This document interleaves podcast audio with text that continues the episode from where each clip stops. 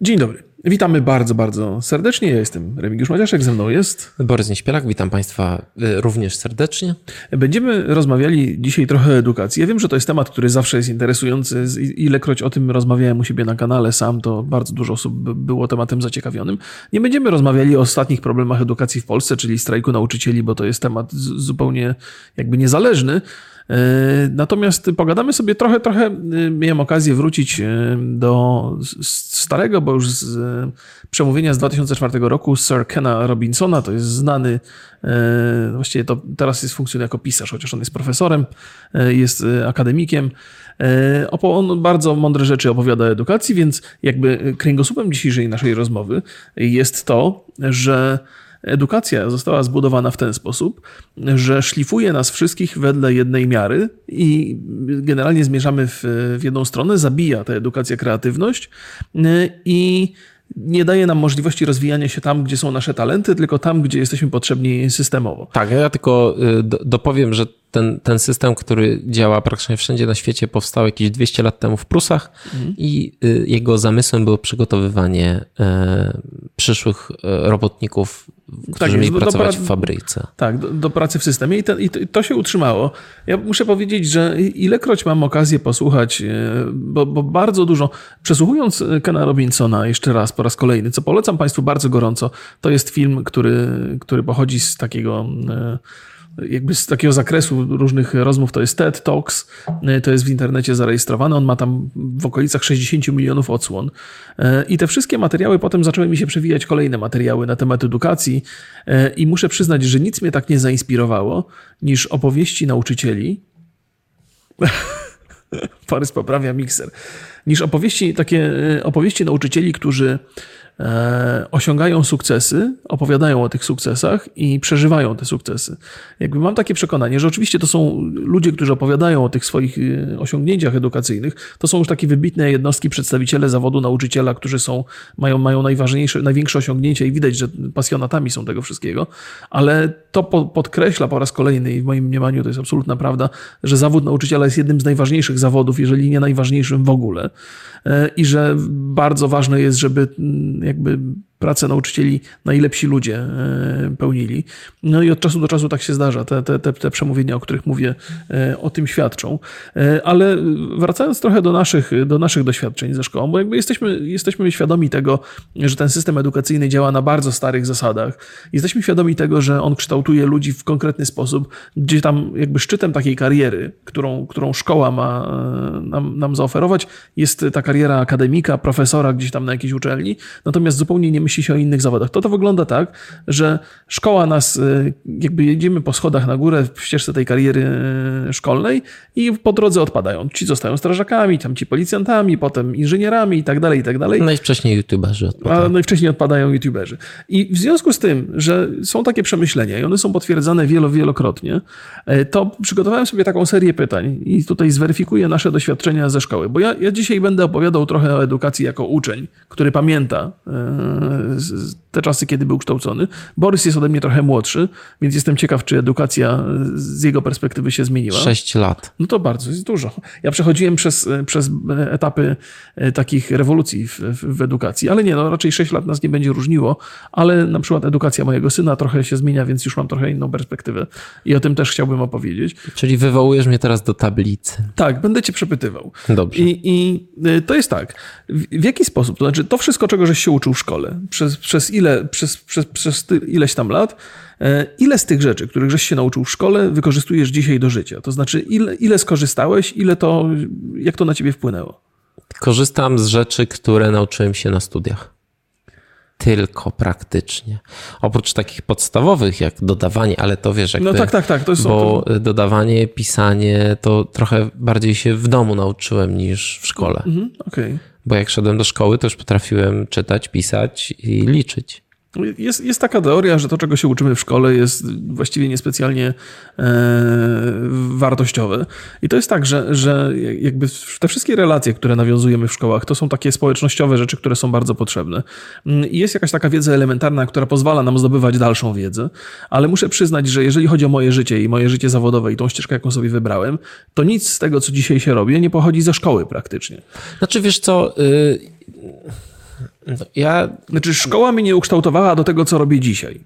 Czy szkoła ukształtowała ciebie do tego, co robisz dzisiaj? studia trochę tak.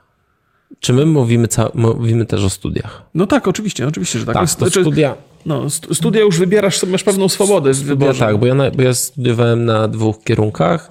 Znaczy, najpierw studiowałem na filozofii, którą rzuciłem po dwóch latach. Potem studiowałem dziennikarstwo na DSW we Wrocławiu. I ty też tam Mhm. tak, studiowałeś. tak, tak, tak. Nie poznaliśmy się tam. Nie, nie, bo chyba w innych latach. Tak. e, No i rzeczywiście na tym dziennikarstwie w DSW mm, sporo rzeczy wyniosłem z tego. I co ciekawe, byłem przekonany, że to są dość słabe studia. I kiedyś skonfrontowałem się z koleżanką, która kończyła te same studia, ale na Uniwersytecie Wrocławskim. I po pierwsze, 70 chyba procent wykładowców mieliśmy dokładnie tych samych i zajęcia wyglądały dokładnie tak samo. Ja muszę, muszę powiedzieć, że, że też miałem, miałem tak, że e, moja edukacja skończyła się wtedy, kiedy uznałem, że już się więcej nie nauczę niczego, co, co, co, co, co, co będzie mi potrzebne. To znaczy jakiś tam zakres wiedzy, bo ja, ja, ja też tak, bo po pierwsze tak, podstawówka, to jeszcze chodziłem w tym systemie ośmioletnim, czyli takim, który dzisiaj wrócił. Potem chodziłem do technikum budowlanego i potem jakby takim... e, Gdzie chodziłeś do tego technikum? w Bolesławcu. W Bolesławcu. No było, chyba do tej pory to jest jedno technikum budowlane, dobrze wspominam. Mhm. E, To no i- było 5 lat, tak? tak, Technikum? tak, pięcioletnie. I potem poszedłem na Polibudę bezpośrednio, bo wydawało mi się, że to jest jedyny sensowny kierunek. I to był błąd duży, bo to jest dziedzina, która mnie dużo bardziej architektura interesowała, ale zupełnie się nie kształciłem w tą stronę i nikt. I to też jest tak, że, że y, jednym z ważniejszych problemów edukacji jest to, że przez te 8 plus 5 lat nikt mi nie powiedział, do czego ja się nadaję, co ja lubię. To znaczy, ja musiałem chodzić przez dwa lata na budownictwo, żeby się przekonać, że moje zainteresowania są zupełnie w innym miejscu. Że ja bym się sprawił w czymś zupełnie innym. I że przez tyle lat edukacji szkoła nie, nie wykryła tej najważniejszej rzeczy. I to jest, to jest jakby jeden z naj... I to, no Ken Robinson też zwraca na to uwagę. Że, że niczemu nam nie służy, że to jest cały czas strzelanie na ślepo z nadzieją, że wybierzemy odpowiednią ścieżkę kariery dla nas, a tak naprawdę w szkole nie uczymy się tego, w czym jesteśmy dobrzy, nie wiemy, w czym jesteśmy dobrzy po szkole, bo oczywiście mamy tam zakres przedmiotów i możemy powiedzieć, dobra, jestem dobry z matematyki, fizyki, ale bardzo często wygląda to tak, że uczeń, który jest dobry y, gdzieś tam z tych przedmiotów najważniejszych, jest też dobry z pozostałych. To znaczy, jak się popatrzy trochę na, na, na, na- uczniów, to w, w mojej klasie było tak, że z plastyki i z muzyki e, nie było tak, żeby była jakaś wybitna jednostka z tych przedmiotów, tylko to byli dobrzy uczniowie, którzy byli dobrzy we wszystkim. Tak, nie? bo oni się uczyli, wszy, wszy, wszystkie przedmioty były dla nich ważne. Tak jest, więc, więc żaden z tych przedmiotów, który jest e, jakby obok tej takiej, takiego głównego nurtu edukacji, e, nie, nie premiował tych ludzi, którzy mieli talenty w tym zakresie. To znaczy nie było ich widać w ogóle. A w przypadku sportu było jeszcze gorzej, bo jeżeli ktoś miał gorsze wyniki w nauce, a za to był świetnym sportowcem, to nikt mu nie mówił, że może coś osiągnąć w sporcie i że powinien o tym myśleć i rozwijać swoją karierę, tylko mówili mu, że jest kiepski w nauce i że do niczego nie dojdzie. Bo oczywiście tam można zostać sportowcem i to jest dużo bardziej ryzykowna dziedzina, bo konkurencja jest dużo większa, ale jeżeli ktoś ma talent w tym kierunku, no to, to nie można mu podkładać kłód, kłód pod nogi. Ja z, z, z jednych wystąpień Kena Robinsona zapamiętałem kilka takich fajnych przykładów. Opowiadał historię faceta, który chciał być strażakiem. I ten facet mówi tak, że on bardzo chciał być strażakiem i na początku, kiedy był dzieckiem, to było dosyć zabawne, bo wszyscy chcieli być strażakami. Natomiast w nim ta pasja pozostała i on, kiedy kończył jakiś ważny etap edukacji, były takie rozmowy z nauczycielami przy całej klasie, e, kim chcieliby zostać. Nie? Czyli to jest taki pomysł na to, żeby wskazać uczniowi jakąś ścieżkę albo zastanowić się nad jego wyborami. I on powiedział, że chciałby zostać strażakiem i nauczyciel go bardzo źle potraktował wtedy. To znaczy wyśmiał go, powiedział, że on marnuje sobie życie, że powinien inną ścieżkę kariery, bardziej taką e, przyszłościową wybrać. Natomiast ten chłopak e, wyszedł z tej szkoły, zgłosił się, został strażakiem. I ta anegdota ma sens e, w wypowiedzi Kena Robinsona, że ten strażak tydzień przed rozmową z, z, z profesorem uratował swojego byłego nauczyciela. Uratował mu życie gdzieś tam z wypadku i uratował jego żonę. Nie? I mówi, że no teraz pewnie ten nauczyciel myśli o nim inaczej, nie? bo wtedy uważał, że to jest zła decyzja i że należy ją skrytykować przy całej klasie. No a teraz dzięki temu żyje, że ten chłopak tą decyzję podjął. Nie? Więc jest, jest dużo takich sytuacji, gdzie e, nie możemy, po pierwsze tak, to, że wybieramy ścieżkę kariery, która nie jest taka typowa i nie jest taka akademicka, to już jest pewien, e, to, to jest pewien stygmat, tak? To się, to się bardzo negatywnie na to patrzy, bo musimy Ale wybierać w, patrzy się. stygmatyzowany. To chyba. Znaczy tak, znaczy patrzy się źle przede wszystkim od strony środowisk akademickich. tak. Bo ale ja na przykład akademi- zupełnie inaczej patrzę Tak? na to, no. To znaczy, ty patrzysz na to inaczej, bo ty też żeś wybrał inne, inne ścieżki. Ale nie? skończyłem wszystkie praktycznie stopnie te podstawowe. Znaczy mam magistra, o. No, a to jest, to jest w ogóle bardzo Jestem interesujące. redaktorem. Dobrze, nie- Takie, ty masz takie wykształcenie, redaktor? Nie, to nie, mam studia, po prostu studia e, dziennikarskie. Ja jestem technikiem budowlanym i jestem dziennikarzem. Znaczy też studia dziennikarskie, nie wiem, czy to jest zawód, ale z budowlańcem jestem z zawodu. Dziennikarstwo to jest misja. Tak, jasne. No, zwłaszcza dzisiaj w tele. No to, no to zobacz, ja uważam, że powinniśmy korzystać z edukacji takiej zorganizowanej w momencie, kiedy finał tej edukacji coś nam daje. Daje na przykład nam licencję na to, żeby leczyć ludzi, leczyć zwierzęta, bronić ludzi w sądzie. To według mnie ma sens. Inne rzeczy to jest albo trochę fanaberia, Okej. bo możemy większość tych rzeczy, albo no jeżeli, e, no bo ja nie bardzo wierzę, że jakieś studia w Polsce rzeczywiście strasznie mocno pomagają znaleźć pracę.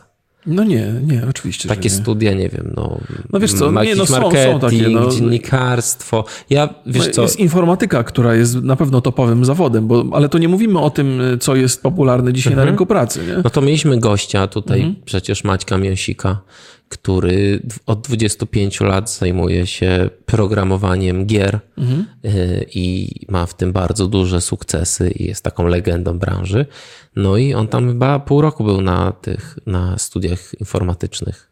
A, no właśnie, więc to, to, to też Więc ukończenie studiów po pierwsze nie jest gwarancją, nie jest koniecznością. nie, nie jest. No tak jak mówię, ja uważam, że wiesz, no moja żona jest weterynarzem, albo weterynarką, jak ktoś woli. Ona woli weterynarzem. Nie wiem dlaczego, ale no okej. E, No to w Polsce musi mieć skończone te studia, żeby móc legalnie leczyć zwierzęta. Oczywiście, to jest jakaś ścieżka kariery. To jest, No, no, ale to jest ścieżka, która wymusza na tobie skończenie tych studiów. Czy ty nie możesz sobie od tak, musisz mieć ten glejt z państwa, z uczelni i jakby dzięki temu zdobywasz licencję na leczenie, nie na zabijanie. tak, tak, I- tak, tak. Mm, I, ale jeżeli tego, wiesz, bo ty powiedziałeś teraz studia informatyczne. Okej, dla wielu osób studia to jest taka, to jest, to jest taka bo rzecz. mówimy ja, ja patrzę, ja, ja na przykład miałem bardzo duże parcie od strony rodziny, No oczywiście, ja też. żeby kończyć stopniu. studia. A teraz jak myślę, to okej, przydały mi się te studia, bo potem y, szkoła mi zaproponowała, żebym prowadził zajęcia po, po Mhm. tym, jak ja skończyłem. I to jest jedyna rzecz. W żadnej pracy nie pytano mnie się o studia. Nikt, a, a tych pracy ile, ileś, tam, ileś tam miałem. Te umiejętności, które wyniosłem ze studiów, okej, no parę rzeczy, właściwie no, je, właściwie dobrze wspominam tak naprawdę pozytywnie dwóch wykładowców. Tak naprawdę, że jakby praca z nimi, może ty znasz Darek Lechański, znasz Darka? E, Pewnie tak, no tak, tak, tak. sam, Tak, no to to jest taki świadomie. człowiek, przy którym mi jest zawsze wstyd, Tak, bo tak, bo- on ma tak niezwykłą wiedzę. I, y, ale to też jakoś, wiesz, pamiętam te zajęcia z nim, ale dużo więcej pamiętam, jak rozmawialiśmy już poza zajęciami, gdzie byliśmy jeden na jeden i mogliśmy bardzo długo, długo rozmawiać, bo często tak się zdarzało. Y, Marek Staniewicz. Tak, też, też kojarzę. No. To jest kolejna osoba, z którą ja bardzo często na zajęciach się nie zgadzałem i te dyskusje też były bardzo ciekawe i on też jakby wyłożył mi wszystkie takie podstawy dziennikarskie.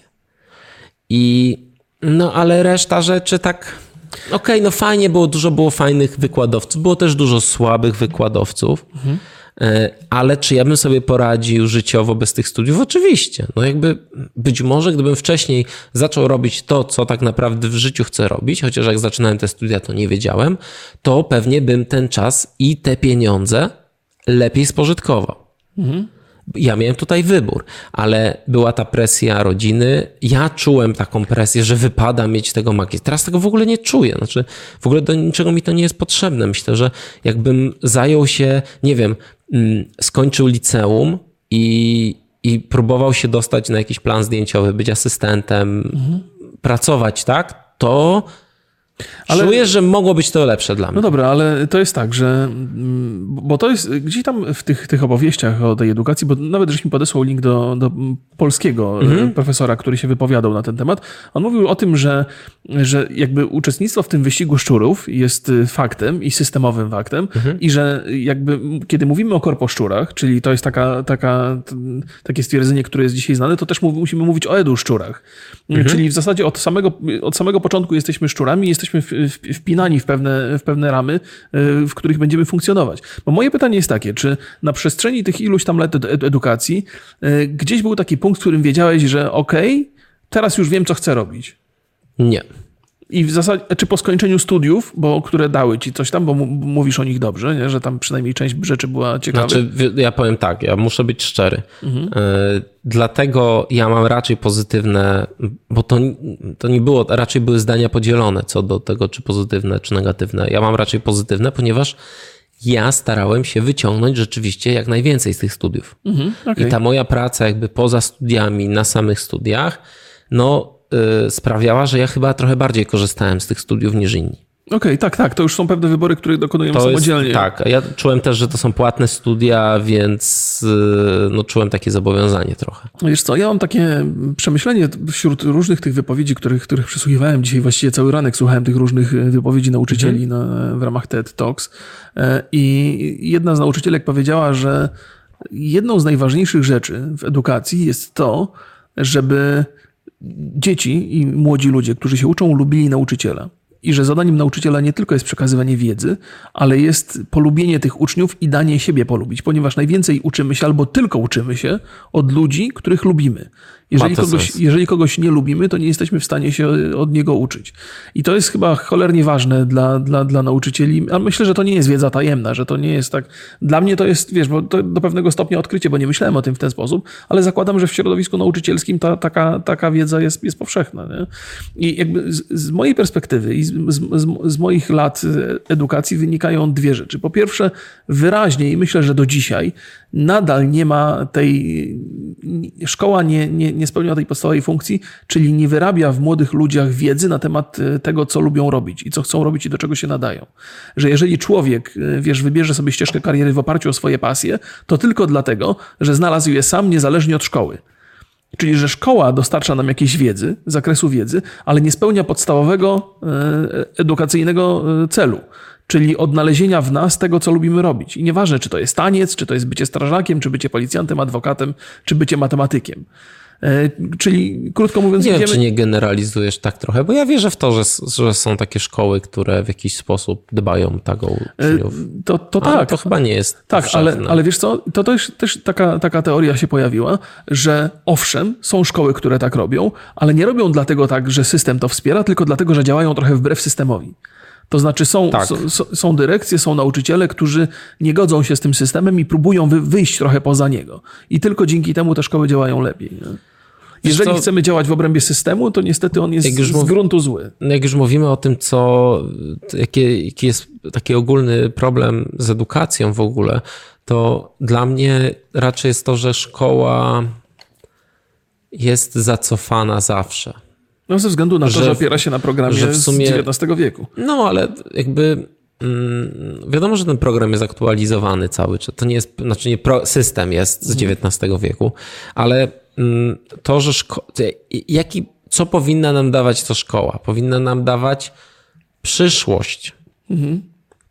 Powinna nas uczyć, jak, e, jak wiesz, e, jakie są teraz jeżeli pracujemy teraz mhm. w ogóle, nieważne jako kto, to jakie rzeczy są ważne? Na przykład praca w grupie. No, no, no. Współpraca z innymi ludźmi, myślę, że to jest jedna z takich najważniejszych rzeczy, jakie szkoła powinna uczyć. Okej, okej, jest, jest I wiele tego rzeczy. chyba w ogóle ja nie, nie, nie, Wiesz nie co? przypominam. Wie, wiecie, no my mamy, ty masz syna, nie, w- No to też, też poopowiadam zaraz to, historię. y, to wiesz, jak to wygląda na bieżąco. Ja trochę mówię ze swojego doświadczenia, ale też czuję, że to nie do końca się y, zmieniło. I, mm, I druga rzecz, która uważam, że powinna być na maksa mocno w szkole poruszana, to jest pewna edukacja świa- związana ze światem cyfrowym. A tak, tak, no ale to jest które tego- tego, przestarzałej edukacji. Tego, mm, tego nie ma, ale to wiesz, cały czas w tym, to, bo wiesz, system edukacji to jest jedno, czyli ten system w Polsce wygląda tak, że mamy w klasie 30 osób, e, musi być zrealizowany program, który jest pod raczej średnią osób, więc ci najgłupsi po prostu mają najciężej, a ci najmądrzejsi y, trochę się nudzą. To jest taki problem, to jest systemowy problem, ale mamy jeszcze program. Ten program jest na maksa przestarzały. I to, Znaczy, to wydaje mi się, wiesz, też nie znam, e, nie znam dokładnie, e, nie znam dokładnie programu, no ale to, to nie, nie, nie- trzeba jakby zapoznawać się z tymi wszystkimi dokumentami z ministerstwa, żeby wiedzieć, że czegoś tam nie ma, że czegoś brakuje, bo się o tym po prostu mówi bardzo często. Wiesz co, no, nad programami się pracuje na pewno i gdzieś tam są ludzie, którym pewnie na tym zależy, ale problem zdaje się być trochę innego rodzaju. Ja pamiętam y, teraz y, zerkając na wiedzę, którą mój syn nabywa i od czasu do czasu rzadko, ale ucząc się z nim, bo przede wszystkim moja żona się tym zajmuje, y, to mam takie przeświadczenie, że po pierwsze co nieco pamiętam z tej szkoły, ale zważywszy na to, że byłem uczniem dobrym albo bardzo dobrym, w zależności od przedmiotu, to pamiętam zatrważająco mało i w, czasami w obrębie takiej podstawowej wiedzy e, mam braki. Nie? I tu uważam, że to nie jest moja wina, bo ja się uczyłem i dostawałem dobre stopnie. To znaczy, że system w jakiś sposób trochę jakby mnie... e, Znaczy niewłaściwie, albo mnie niewłaściwie oceniał, albo niewłaściwie uczył, nie? Nie, no ale zaraz, system nie ma za zadanie No dobrze, to jest, no, no, no. y, sp- sprawić, żebyś ty coś Tak, wiedział tak, do tak, końca tak, życia, tak, tylko tak. żebyś zdał i koniec. No, system jest- działa jakby etapowo, czyli ty No, masz ale- zdać do następnej klasy, tak, bo no, masz to jest, No zdać taki test, potem taki, potem taki, potem matura, potem na studia. testy wyznaczają nam y, cel, nie? To nie, nie wiedza jest y, celem, tylko test. Żeby maturę zdać teraz, ile musisz mieć? 30%? Wiesz, właśnie o to, o maturę też chciałem cię zapytać, ale to nie, nie wiem dokładnie, nie wiem dokładnie, bo widzisz, jakby y, jeszcze wracając trochę do tego, więc ja mam takie przekonanie, że mimo dobrych ocen wiele rzeczy mnie, mi ją um, umknęło z czasem, natomiast teraz patrzę na, na, na to, w jaki sposób mój syn się uczy, on jest jakby tym eksperymentem tych zmian w edukacji obecnych. I ja mam tak, po pierwsze, y, tak długo, jak nauczyciel ma swobodę, w- jeżeli chodzi o sposób przedstawiania wiedzy, to może trochę manewrować i może trochę wykorzystać te swoje trochę nietypowe umiejętności albo e, nie- nietypowy sposób prezentowania wiedzy. Natomiast w chwili obecnej to wygląda tak, że nauczyciele są tak przytłoczeni programem, że w zasadzie z każdego przedmiotu jest sprawdzian za sprawdzianem. I ilość wiedzy, którą mój syn jakby z dnia na dzień pochłania, jest tak przerażająco ogromna, że on nie ma szansy tego zapamiętać. Nie? To znaczy, ja jestem świadom tego, że on się uczy na sprawdzian, zdaje ten sprawdzian, dostaje bardzo dobre oceny, natomiast z tej wiedzy może zostaje 10% albo i mniej. Więc natłok y, to jest, to jest on jest w piątej klasie i, i on się uczy więcej niż ja się uczyłem na studiach. To znaczy więcej czasu spędza na, nad książkami niż ja, kiedy chodziłem na studia. No, może takim byłeś studentem. No, być może to nie świadczy o mnie dobrze, być może on potrzebuje więcej czasu, ale wiesz, to jest też z rozmów z innymi rodzicami, no to się, to się potwierdza, nie? I oprócz tego, że on się uczy w szkole i nauczyciele narzucają mu całą masę wiedzy, to jeszcze z moją żoną spędza mnóstwo czasu i ona w zasadzie jest, e, ona jest częścią tego całego systemu edukacyjnego, bo bez tego, i to nie jest tak, że u mnie w domu to się odbywa, ale większość rodziców spędza ze swoimi dziećmi czas, żeby im pomóc w zdobywaniu tej wiedzy, jakby w wchłonięciu tej wiedzy, której jest bardzo, bardzo dużo. Nie? Jakby mam takie spostrzeżenie jakby korzystnych zmian, nie? że gdzieś tam po drodze pomysł rozbicia matury na wiele przedmiotów wydaje mi się dużo bardziej sensowny, bo dzięki temu to, to jakby rozgałęzia się trochę ta wiedza. Natomiast kiedy ja zdawałem maturę, był, była matematyka i był polski i trzeba było mieć te przedmioty opanowane super, super mocno, nie? bo to była jedyna szansa, żeby zdać maturę. Nie? Natomiast tutaj jest trochę, trochę ro- rozleglejszy ten system, więc zakładam, że inne zainteresowania, inne talenty trochę to wspiera. Ale nadal to nie jest ten kierunek, który, który powinien powinien być. Inna ciekawa historia, którą też właśnie Ken Robinson opowiadał i którą przytoczę z przyjemnością, była taka, że to opowiadała mu kobieta. Kobieta, która była, e, która jest słynną choreografką, prowadzi firmę, zarabia wielkie pieniądze. E, I ona opowiadała tak, że w dzieciństwie nie było jeszcze zdiagnozowane ADHD. To znaczy, ADHD jeszcze nie było chorobą, więc nie można było tego wymyślić, ale ona była dzieckiem, która, która była bardzo ruchliwa, nie potrafiła się skupić, nie potrafiła funkcjonować na zajęciach. W związku z tym odsyłano ją od psychologa do psychologa. Znaczy, ta matka, kochająca ją bardzo i dbająca o to, chodziła od psychologa do psychologa. I pewnego dnia po, po rozmowie z psychologiem wyszli z tego, z, z pomieszczenia, ale była tam przeszklony na tyle, że można było widzieć. I ta dziewczynka pozostawiona sama sobie przy grającej muzyce nagle zaczęła tańczyć. Nie? W tym, w tym, I ten, ten lekarz, ten psycholog powiedział do, do tej matki, że z pani córką wszystko jest w porządku. Ona nie jest chora, ona jest po prostu tancerką. Proszę ją zaprowadzić do szkoły tańca albo tam do szkoły muzycznej. I, i ta kobieta opowiadała potem, że to była najlepsza decyzja, jaka w ogóle jej matka podjęła w jej, w jej życiu. E, w sensie nie życiu matki, tylko w życiu tego dziecka. I ona w tej szkole znalazła się nie tylko w miejscu, które do niej pasowało, ale poznała też innych ludzi, którzy potrafili myśleć tylko wtedy, kiedy się ruszają. To znaczy, że żeby myśleć i kreatywnie funkcjonować, potrzebowali tego poczucia ruchu, poczucia swobody. I pomyślałem sobie, że ja bardzo często, kiedy na przykład rozmawiam tutaj, jak się spotykam z chłopakami, żeby mówić różne sprawy, to muszę chodzić. Bo ja mam taką silną, mi się dużo lepiej myśli, kiedy, kiedy chodzę. Nie? I mój syn też ma to. Kiedy uczy się z moją żoną, to ona mu zadaje pytania, on chodzi dookoła stołu, odpowiada, cały czas jest w ruchu. I jeżeli sobie pomyślę o klasie, w której jest 30 dzieciaków, które muszą siedzieć w bezruchu, a część z nich na pewno ma ten sam system myślenia, lepiej funkcjonuje, mhm. kiedy jest w ruchu, no to oni są pozbawieni już nawet tej, tej elementarnej wygody w zdobywaniu wiedzy, ale wygody, która byłaby dla nich y, dopasowana. Nie? Więc ta dziewczynka osiągnęła sukces w tym tańcu, ta kobieta, i, i stała się sławną osobą, dlatego, że pozwolono jej myśleć tak, jak ona lubi i potrafi myśleć. I poznała ludzi, którzy myślą w ten sam sposób, nie? w ruchu. To była, to jest zupełnie ciekawe, bo to już jest taka elementarny dostęp do wiedzy, chłoniemy, każdy ją chłonie okay. inaczej. Okej, okay. fajna anegdota, ale... Okej. Okay. Jak ty chcesz te Ale, no milion ja wiem, dzieci ogarnąć? że tak. Ale to, wiesz co, wiesz, do czego bo to nie, no bo to sprowadza się do tego, czy jest lepszy model. No więc to, to, to, jest, to jest długa rozmowa, ja też się nad tym bardzo dużo zastanawiam. Natomiast podstaw, jakby wszystko jest takie na bardzo elementarnym poziomie nieskuteczne. To znaczy, po pierwsze, szkoła nie potrafi rozpoznać, w jakich warunkach dziecko najlepiej się uczy, bo nie ma takiej potrzeby, ma swój system i w ten system próbuje każdego wpasować. Jeżeli nie pasuje, to się nazywa ADHD i już mamy receptę. Nie? Daje się dziecku lekarstwo albo mówi, żeby się uspokoiło. Więc nie potrafi rozpoznać, w jaki sposób dziecko należy uczyć, każde konkretne i odesłać do odpowiedniej placówki, która funkcjonuje na, w ramach takich potrzeb, bo takich placówek w ogóle nie ma, bo są tylko jedne, jednego rodzaju. A drugi problem polega na tym, że nie potrafi wyszukać w tych dzieciach pasji, to, co, to, to, to, co te dzieci pasjonuje, to, w czym będą do, dobrzy naturalnie, bo zupełnie inaczej wygląda praca, kiedy robimy to, czego nie lubimy, a kiedy lubimy to, co uwielbiamy. I jeżeli człowiek zajmuje się tym, co uwielbia, to potrafi na wiele godzin zniknąć i ma wrażenie, że minęło mu 5 minut. I, i, i uwielbia to robić i to go angażuje w, w 100%, nie? Więc no, tego brakuje w, w, całym tym pomyśle edukacyjnym. Ale to już jest wiadomo od wielu, wielu, wiadomo jest od wielu, wielu lat. I do tej pory nikomu nie starcza sił na to, żeby, żeby próbować zmieniać ten system, walczyć. Chociaż są w różnych krajach różne pomysły. Gdzieś tam w tych krajach skandynawskich e, bardzo lubią e, eksperymentować z, z edukacją i być może będzie miało to jakiś korzystny potem wpływ na, na, na, cały świat. No ale w Polsce też się przecież eksperymentuje. Mamy czegoś coś takiego jak szkoły demokratyczne.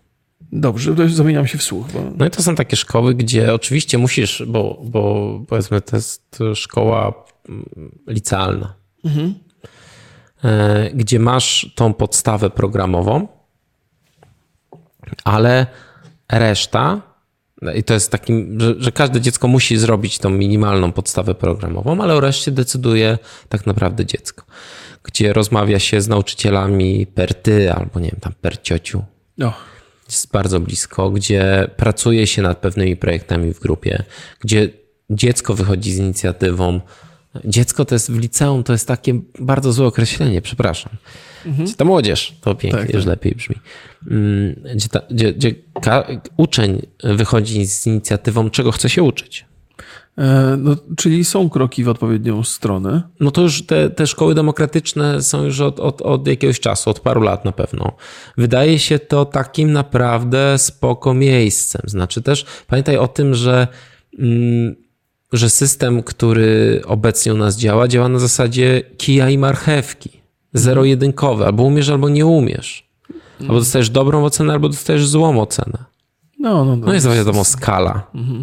No ale sumarycznie przyjdź do domu, wiesz, z pozytywną oceną dostateczny. Bardzo No, dobrze. nie zostanie to e, najlepiej odebrane. Więc to jest jakiś krok. I mm, ja też się zastanawiałem nad, nad drugą rzeczą. Może, może trzeba zupełnie jakby wywrócić wszystko do góry nogami i zapytać się, czy edukacja powinna być darmowa i czy powinna być w takiej formie. O Jezu, to już są bardzo, bardzo. Wiesz, ja, ja też myślę o tym, bo jak, jak chyba dwa razy już powtórzyłem, od, od dawna wiadomo, że ten system edukacyjny po pierwsze jest przestarzały z tego powodu, że został wymyślony dawno, dawno temu. To się musiało, musi się zmienić, bo w każdej dziedzinie rozwijamy się bardzo, dużo się zmienia, natomiast w kwestii edukacji cały czas tkwimy w przeszłości. No ale jednak ta ludzkość jakoś idzie do przodu. Nie wiem, czy w najlepszym możliwym kierunku, ale idzie. No wydaje mi się, że, że tracimy mnóstwo Ale potencjału. idzie dzięki edukacji, czy może jak nie będzie, nie będzie tej e, darmowej edukacji, to czy, czy to cokolwiek zmieni? Bo wiesz co, no, o, ciężko, nad, nad tym się nie zastanawiałem i musiałbym trochę poświęcić czasu, żeby to przemyśleć. Natomiast ja mam takie, wiesz, idziemy do przodu, dlatego że ten system, niezależnie od wszystkiego, e, jednak premiuje pewne jednostki. To znaczy są ludzie, którzy lubią się uczyć w ten sposób i w ten sposób się rozwijają, zostają naukowcami, wymyślają nowe technologie i tak dalej, i tak. Więc jakaś część tych, tych dzieci, potem młodzieży, jest kształcona dokładnie tak, jak im pasuje. Nie? To znaczy, to jest wpisane w ich potrzeby. Natomiast tracimy całą masę potencjału wynikającą z tego, że nie kształcimy odpowiednio ludzi, którzy potrzebują innych metod. Nie? Więc to nie jest tak, że my nagle, że przez ten system edukacji zatrzymamy się i nie pójdziemy nigdzie do przodu. Tylko, że tracimy potencjał, e, lekceważąc innych ludzi, którzy mają inne potrzeby i inaczej, inaczej mogą operować. To jest chyba największa strata. ja, ja na przykład najbardziej nie lubię tych filmów, które mają zmarnowany potencjał. Potencjał- Ale widzisz, bo, bo wystarczy, bo ja, ja nie przypadkowo mówiłem o tej edukacji darmowej, bo byliśmy w Stanach, byliśmy na e, Uniwersytecie Stanforda. E, tam są oczywiście wszystkie uniwersytety płatne. Tak, tak. Mm, I te i, lepsze, wszystkie dobre szkoły są płatne. Y, Jest taka strona, to jest Forum Rozwoju Obywatelskiego i tam jest coś takiego, taki projekt rachunek od państwa. Nie wiem, czy słyszałeś o tym. Nie, nie, nie. No i tam co roku jest taki raport, ile tak naprawdę za co płacimy na osobę. No i mamy to darmowe szkolnictwo, które nas kosztuje, biorąc pod uwagę y, tak szkolnictwo od podstawówki, czy tam nawet od przedszkola do, y, do końca liceum czy technikum. Na każdego obywatela polskiego, każdego, to jest y, 2078 zł rocznie. To jest koszt. To jest koszt, który ponosi państwo, czy... Nie, to jest koszt, który ponosisz ty Okej, i ja. Dobrze, dobrze. Czyli już razem Czyli ponad da- 4 Darmowość tysiące. jest bardzo mocno yy, Nie no, oczywiście. Szkolnictwo wyższe to jest 518 na każdego obywatela. Mhm. Czyli e, cała edukacja, jeżeli weźmiemy, że w Polsce bardzo popularne jest szkolnictwo wyższe, no to e, mamy 2596 zł, to jest ponad 200 tysięcy na całą twoją edukację, na każdego. Mhm. Czy to jest dużo, czy to jest mało? No gdyby, to jest cholernie dużo.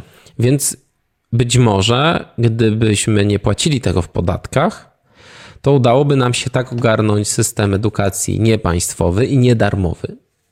Być może jakaś hybryda mogłaby być lepszym rozwiązaniem, czyli obowiązek, yy, wiesz, darmowa, darmowa szkoła jest do szóstej klasy podstawówki albo do ósmej, no niech będzie ta podstawówka. No, ale to jest bardzo Bo ryzykowne. to jest, to jest, to jest, to Wiesz, jest to- taka rzecz, że pod, podważasz to, to wieko, ten status quo, quo i, i ludzie głupieją. Nie, bo po prostu katastrofa będzie. No tak, i, tak, i, nie, to jest, ale, ale ludzie sobie lepiej radzą bez państwa niż z państwem. to prawda, to, to, jest, to jest fakt, ale ludzie... Lepiej wydajesz swoje własne pieniądze niż Tylko, państwowe. strach przed tego typu zmianą jest bardzo duży, nie? Ale I- widzisz, mamy teraz wybory. Przepraszam, że ci przerwę nie, nie, tutaj. proszę, proszę. Mamy teraz wybory do, Eurome- e, do Europarlamentu. Jak wy to słuchacie, oglądacie, to jest poniedziałek, my to nagrywamy w piątek. E, ile był- Państwo to słuchają w piątek najprawdopodobniej. Aha, możliwe. No to, w, no to po ty, tydzień minął już po No. wyborach. Ile było debat na temat, nie wiem, przyszłości edukacji, na, wiesz, oczywiście to są wybory do Parlamentu Europejskiego. To jest... I to jest trochę, trochę inaczej to, to wygląda, ale właśnie tego mi brakuje, że nie ma tej dyskusji społecznej o tym, jaki powinien być model Wiesz co, to jest. Na tym my jesteśmy bardzo mocno zacofani w bardzo wielu elementach y, funkcjonowania państwa. I tak długo, bo jeżeli chodzi o. Niezależnie od tego, jaka partia jest rządząca, to jej podstawowym zadaniem od samego początku jest zwycięstwo w kolejnych wyborach. I to jest podstawowa debata, która się toczy. Nie? Co zrobić, żeby wygrać w, wyborach? Wszystkie, wszystko, co się staje pu publiczne, jest publiczne tylko dlatego, że jednym albo drugim się opłaca, bo może albo zaszkodzić partii rządzącej, albo pomóc partii rządzącej. To są mhm. wszystkie dyskusje, jakie się toczą. Więc cały czas jesteśmy w takiej niestabilnej sytuacji, gdzie politycy nie myślą o, o przyszłości państwa, tylko myślą o przyszłości swojej partii w kolejnych wyborach. Więc to, to, jest, to jest jeszcze proces, który będzie trwał przez lata, nie, no, ja będziemy wiem. gotowi. To, to, jest, to jest taka choroba, która toczy jakby cały świat, nie tylko Polskę, mhm. że, mm, że jakby polityka stała się pewnego rodzaju przepychanką, a nie rozmową o, o, o przyszłości kraju. Tylko, że właśnie mamy ileś tam takich problemów. Edukacja mhm. jest jednym, jednym z nich, gdzie jest pole do poprawy, mm, a nie ma odważnych, nie ma, bo bo myślę, że pieniądze by się znalazły na to, żeby, z, co, żeby wdrożyć jest... jakąś reformę. Przypominam, że ostatnia reforma skończyła się jej wycofaniem po paru latach. Mhm. I w tym roku mamy ostatni rocznik gimnazjum. Y, I wracamy do tego systemu, który my, czyli 8 lat podstawówki. Tak. Gdzie, Już nie wiem sam, co o tym myśleć. Bo... Ja też nie wiem. Właśnie to jest problem, że. No ale to nie jest nasze że, zadanie, że ja nie znam, Ktoś że powinien... ja nie znam rozwiązania tego. Nie, nie wiem, jak powinien wyglądać. Wiem, że znaczy... potrzebna jest dyskusja na, no. na ten temat, że potrzebne są obliczenia, ile co będzie kosztowało, bo nie żyjemy już w totalnie biednym, zacofanym kraju, który ledwo wyrwał się spod komuny, tylko kulturowo jesteśmy już totalnie y, zachodnim krajem. Okay. Polacy są coraz bogatsi. Oczywiście nie jesteśmy tak bogaci jak Niemcy czy Brytyjczycy, ale jest zupełnie inna świadomość w narodzie i może skończyła mi się bateria w laptopie, przepraszam. I może, wyłącz, wyłącz to, mm, i może jest e, najwyższa pora, żeby zadać sobie takie pytanie, e, czy warto się oszukiwać tą darmową edukacją? Przecież nie znam rodzica, mhm. który by nie dopłacał ileś tam na jakieś dodatkowe zajęcia, na korepetycje, jasne, a du jasne, bardzo jasne. dużo moich znajomych ma dzieci w wieku szkolnym. Więc okej, okay, mamy tą podstawę, która jest niby darmowa, mhm. którą płacimy w podatkach i to łatwo sobie to wyliczyć. Y, a może to powinniśmy mieć więcej władzy w tym, jak się kształcą nasze dzieci. Moje to nie, bo ja nie mam.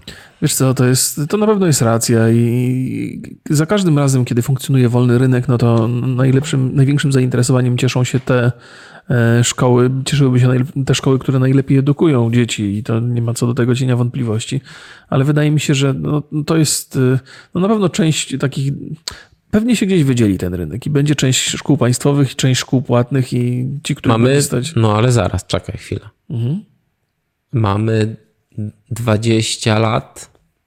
Tego systemu? No, coś, coś, tak, coś się nie wydziela aż tak mocno. Zobacz, jak wygląda szkolnictwo wyższe, które stało się wręcz takim e, fabryką studentów. E, tytuł magistra nic w Polsce nie nic nie znaczy. Tak, to prawda.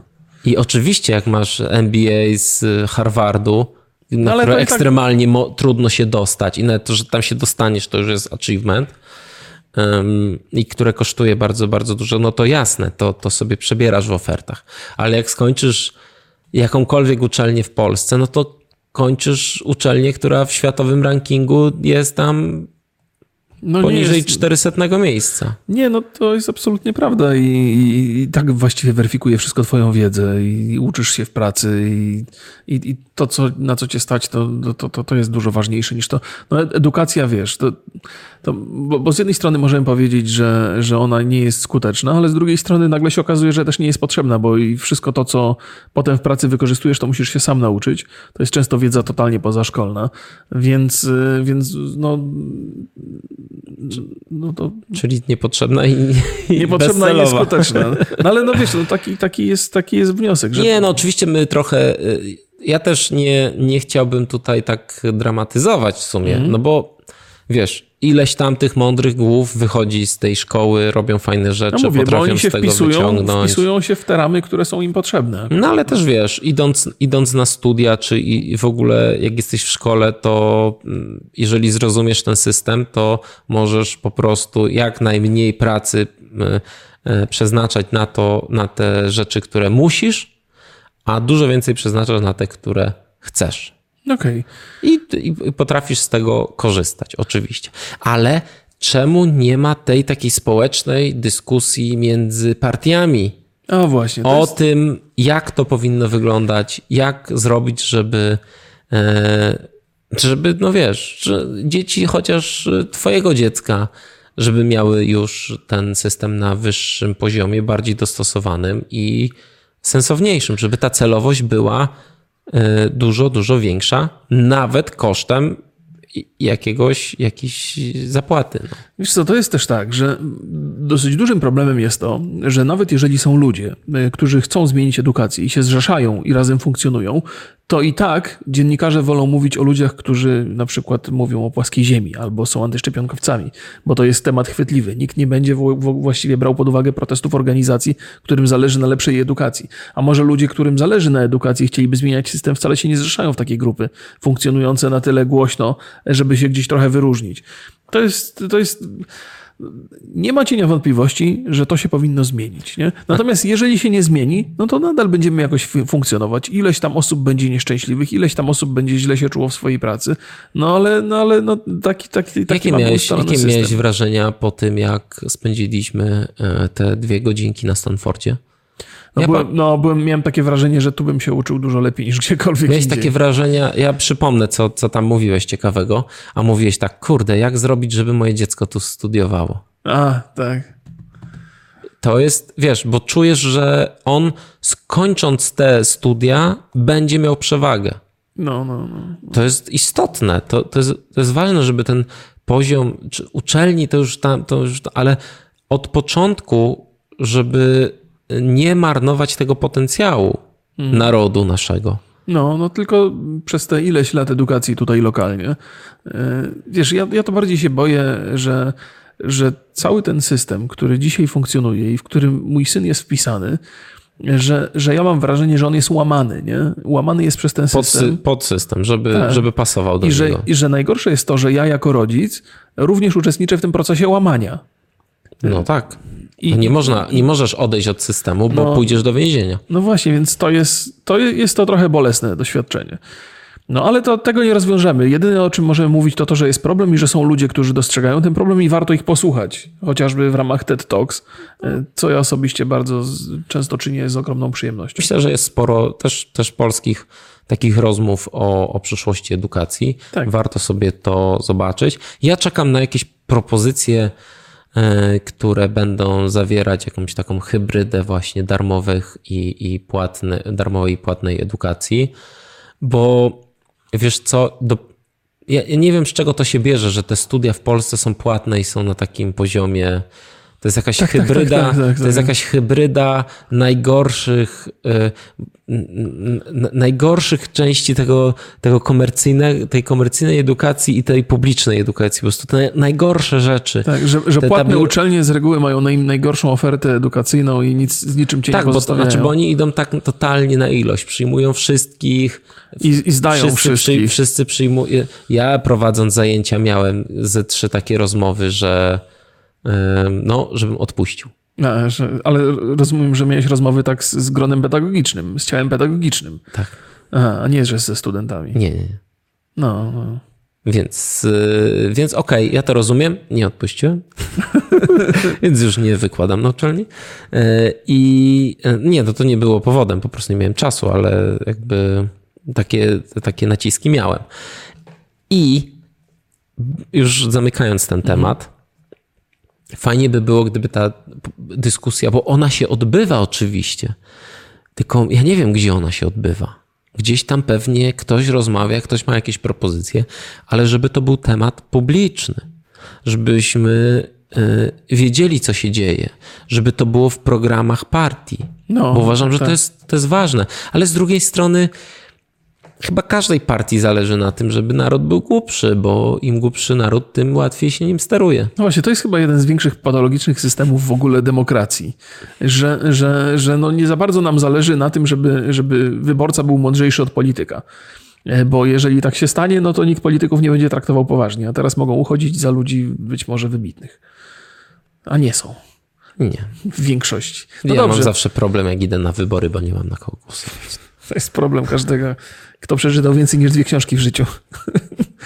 Pozdrawiamy Państwa bardzo serdecznie. Dziękujemy za uwagę. Trzymajcie się. E, Cześć. Pytanie, czy my zadaliśmy? Wiesz co, to, jest, to był temat rozległy. Ja, ja bym... to Pierwsze pytanie, jakie... Ja, ja mam, ja mam. No, ja bardzo dobrze. Słuchajcie, na pewno ktoś nas słucha, kto e, interesuje się tematem, mam taką nadzieję, to dajcie linki do e, może do jakiejś fundacji, czy do jakichś ludzi, czy do jakichś wystąpień na, na YouTubie, które, e, którzy mm, zajmują się tematem. Myślę, że to, to będzie fajnie. Czy jest, jakiś, czy jest jakiś zaproponowany system nowy albo reforma, która gdzieś tam sobie leży po prostu w internecie i, i, i gnije? Dobra, a ja mam, ja mam inne pytanie. Czy gdzieś tam w obrębie y, waszej edukacji, która się przydarzyła, może teraz, może kiedyś, y, mieliście takie, y, takie poczucie, że ktoś was skierował w dobrą stronę? nie? Czy, czy zdarzyło wam się przez te ileś lat edukacji, że trafiliście na takiego człowieka albo może na taki przedmiot, który wam nagle zapalił żarówkę w głowie i, i dzięki temu wiedzieliście, w którą stronę iść i czy poszliście w tę stronę? To mnie interesuje. Ja miałem tak. No proszę. To była kanapka z dżemem. Aha. Myślałem, że jakaś koleżanka, której żeś pomagał z fizyki. Na filozofii pomagałem jakiejś koleżance. No to filozofia rozumiem, Wstępu do to... filozofii. No dobrze, to nie będę wnikał w temat. Pozdrawiam. Y, Pozdrawiamy również. Ja też pozdrawiam Trzymajcie nie koleżankę, ale państwa. Pa, pa. Ja koleżanka.